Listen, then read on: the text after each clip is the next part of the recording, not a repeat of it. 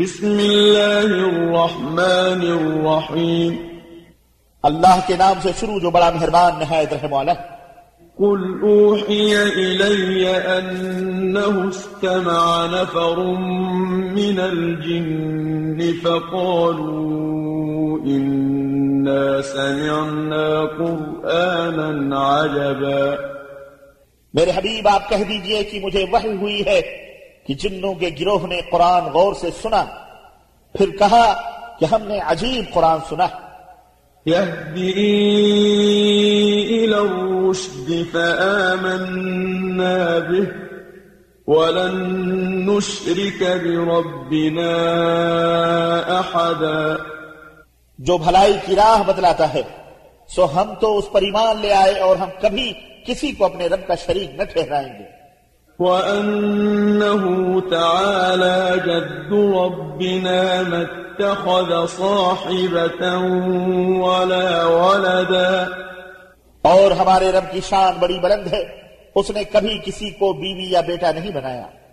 وأنه كان يقول سفيهنا على الله شططا اور یہ کہ ہمارے نادان اللہ کے ذمے بہت سی جھوٹی باتیں لگاتے رہے۔ وأنا ظننا أن لن تقول الإنس والجن على الله كذبا اور یہ کہ ہم نے یہ سمجھ رکھا تھا کہ انسان اور جن اللہ کے بارے میں کبھی جھوٹ نہیں بول سکتے۔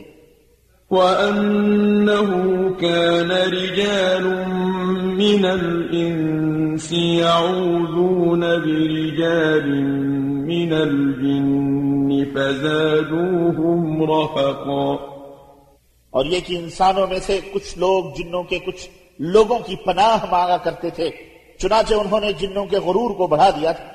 وأنهم ظنوا كما ظننتم أن لن يبعث الله أحدا۔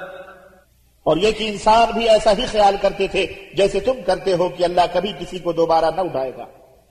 وأنا لمسنا السماء فوجدناها ملئت حرسا شديدا وشهبا۔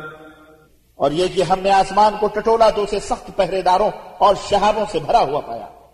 وأنا كنا نقعد منها مقاعد للسمع فمن يستمع الآن يجد له شهابا رصدا اور یہ کہ ہم سننے کے لیے آسمان کے کچھ ٹھکانوں میں بیٹھا کرتے تھے مگر اب جو سننے کو کان لگائے تو وہ اپنے لیے ایک شہاب کو تاک لگائے ہوئے پاتا ہے۔ وأنا لا ندري أشر أريد بمن في الأرض أم أراد بهم ربهم رشدا اور یہ کہ ہم یہ نہیں جان سکے کہ اہل زمین کے ساتھ کسی برے معاملے کا ارادہ کیا گیا ہے یا ان کا رب انہیں راہ راست پر لانا چاہتا ہے۔ وأنا منا الصالحون ومنا دون ذلك۔ طرائق قددا. اور یہ کہ ہم میں سے کچھ نیک لوگ ہیں اور کچھ اس سے کم درجے کے ہیں ہم مختلف طریقوں میں بٹے ہوئے ہیں۔ وأنا ظننا أن لن نعجز الله في الأرض ولن نعجزه هربا. اور یہ کہ ہمیں یقین ہو چکا ہے کہ ہم نہ تو اللہ کو زمین میں چھپ کر عاجز کر سکتے ہیں اور نہ ہی بھاگ کر اسے ہرا سکتے ہیں۔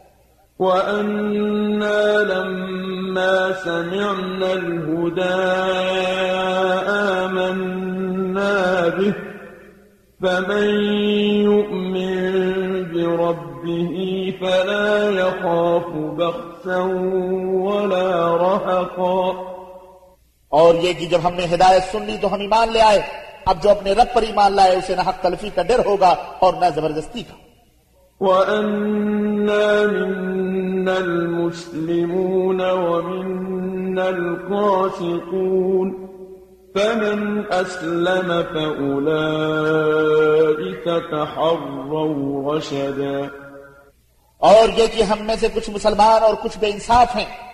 اور جو فرما بردار بن گیا تو ایسے لوگوں نے بھلائی کا راستہ اختیار کیا۔ وَأَمَّا الْقَاسِطُونَ فَكَانُوا لِجَهَنَّمَ حَطَبًا۔ اور جو بے انصاف ہیں وہ جہنم کا ایندھن بنیں گے۔ وَأَن لَّوْ اسْتَقَامُوا عَلَى الطَّرِيقَةِ لَأَسْقَيْنَاهُم اور اگر لوگ سیدھی راہ پر قائم رہتے تو ہم انہیں بائفرات پانی سے سیراب کرتے۔ لنفتنهم فيه ومن يعرض عن ذكر ربه يسلكه عذابا صعدا۔ تاکہ اس نعمت سے ان کی آزمائش کریں۔ اور جو شخص اپنے رب کے ذکر سے منہ موڑے گا تو وہ اسے سخت عذاب میں مبتلا کر دے گا۔ وأن المساجد لله فلا تدعوا مع الله أحدا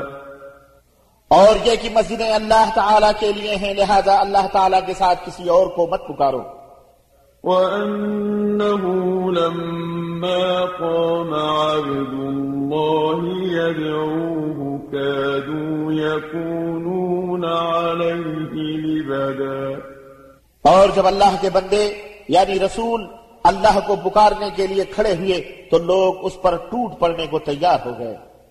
قل انما ادعو ربی ولا اشرک به احدا میرے حبیب آپ کہہ دیجیے کہ میں تو صرف اپنے رب کو پکارتا ہوں اور اس کے ساتھ کسی کو شریک نہیں کرتا۔ قل إني لا أملك لكم ضرا ولا رشدا۔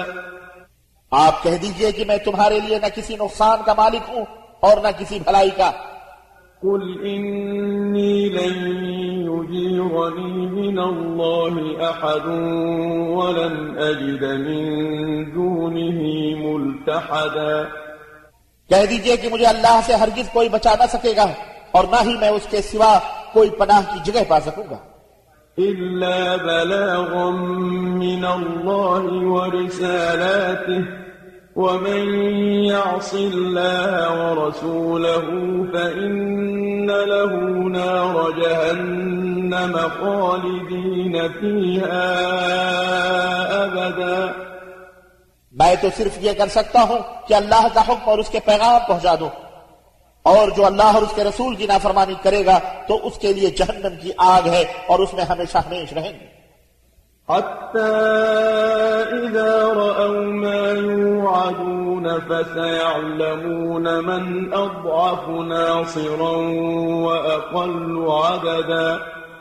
یہ لوگ باز نہ آئیں گے تاکہ وہ عذاب دیکھ لیں جس کا ان سے وعدہ کیا جاتا ہے۔ پھر جلد انہیں معلوم ہو جائے گا کہ کس کے مددگار کمزور اور تعداد میں کم ہے۔ قل إن أدري أقريب ما توعدون أم يجعل له ربي أمدا میرے حبیب آپ کہہ دیجیے کہ میں نہیں جانتا کہ جس عذاب کا تم سے وعدہ کیا جاتا ہے وہ قریب ہے یا اس میں میرا رب دیر کر دے؟ عالم الغيب فلا يظهر على غيبه أحدا وہ غیب کا جاننے والا ہے اور اپنے غیب پر کسی کو آگاہ نہیں فرماتا۔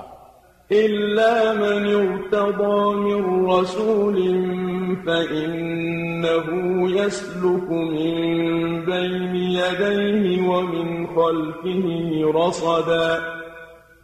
سوائے ایسے رسول کے جسے وہ کوئی غیب کی بات بتانا پسند کرے پھر وہ اس وحی کے آگے اور پیچھے محافظ لگا دیتا۔ ہے ليعلم أن قد أبلغوا رسالات ربهم وأحاط بما لديهم وأحصى كل شيء عددا۔